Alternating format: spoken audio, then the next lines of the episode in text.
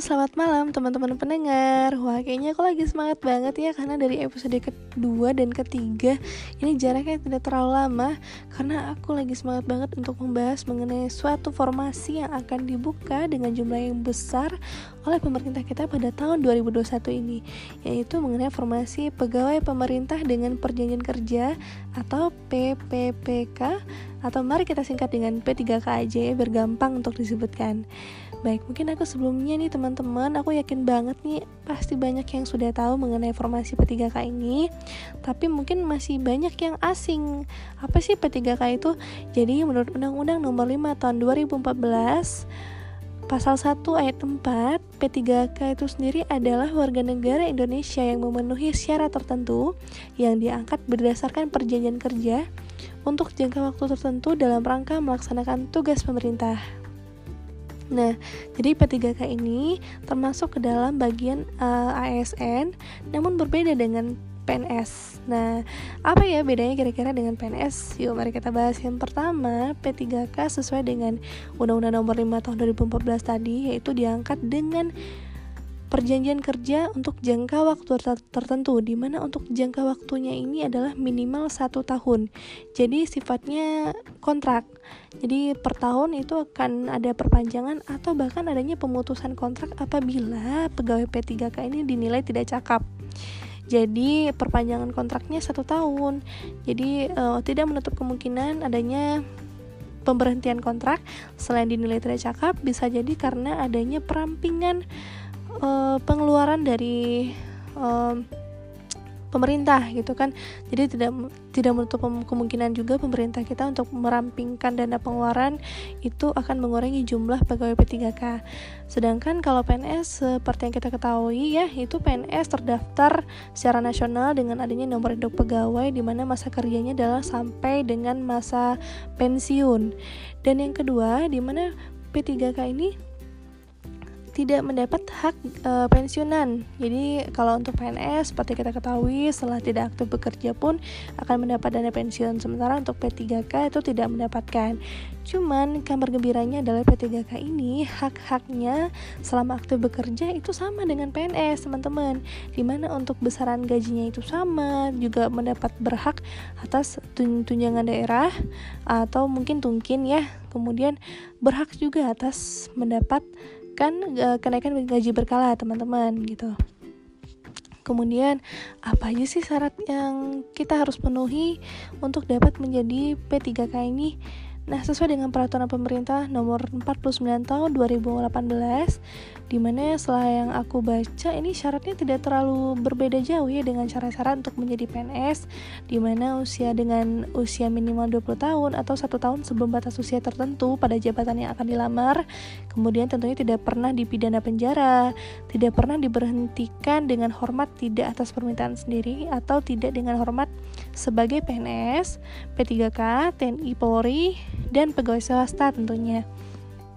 Kemudian pastinya tidak terlibat partai atau politik praktis. Kemudian uh, pendidikannya tentu harus sesuai syarat, uh, jasmani dan rohani.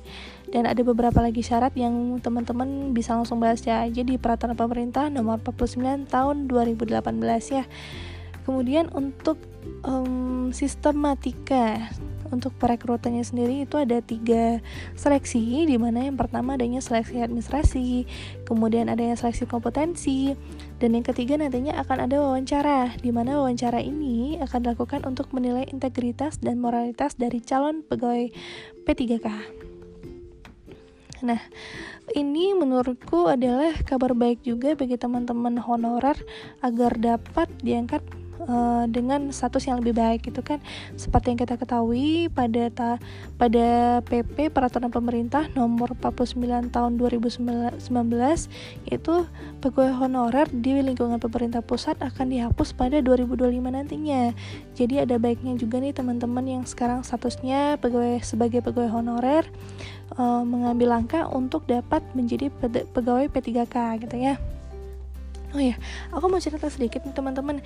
Ternyata di lingkungan pemerintah Padang Panjang sendiri setelah aku bekerja sebagai ASN atau PNS, uh, eh, ternyata ada honor ini atau aku ngira pegawai yang non PNS ini adalah honorer semua ternyata tidak teman-teman jadi untuk di lingkungan pemerintah pada panjang untuk pekerja yang berstatus non PNS itu ada dua jenis atau dua macam yang pertama adalah THL dan yang kedua adalah uh, pegawai honor di mana untuk THL seperti dengan seperti namanya itu tenaga harian lepas itu digaji sesuai dengan jam kerja bukan jam kerja kayak hari kerjanya gitu. Jadi untuk pada panjang itu untuk standar biaya untuk THL itu sendiri adalah satu hari 85.000 kemudian untuk uh, pegawai honor adalah pegawai dengan perjanjian kerja sama dengan THL per per tahun juga perpanjangan dengan hak itu sebesar 3.300 untuk lingkungan uh, pemerintah Kota Padang Panjang teman-teman. Jadi beda. Jadi kalau untuk THL itu dihitung hari kerja di mana pegawai itu masuk kerja. Sementara untuk pegawai honor itu akan mendapatkan hak tetap selama satu bulan 3.300 kalau untuk lingkungan pemerintah Kota Padang Panjang. Waduh, serak banget. Gini banget doyan makan gorengan jadi itu teman-teman. Jadi uh, mungkin bagi teman-teman yang sekarang statusnya THL itu aku sarankan untuk dapat segera mendaftar ke P3K gitu kan. Karena untuk statusnya itu lebih baik lagi karena dan uh, untuk hak-haknya juga jauh lebih baik daripada uh, tenaga harian lepas. Mungkin itu aja dapat aku sharing pada kesempatan kali ini. Aku doakan bagi teman-teman yang berencana untuk mendaftar P3K pada tahun ini tesnya sukses. Sementara untuk teman-teman yang masih berjuang untuk menjadi pegawai negeri sipil, aku doakan pada tahun ini mudah-mudahan menjadi tahun rezekinya agar bisa menjadi PNS ya. Amin. Baik, terima kasih sudah mendengarkan podcast aku pada episode ketiga ini teman-teman. Selamat malam.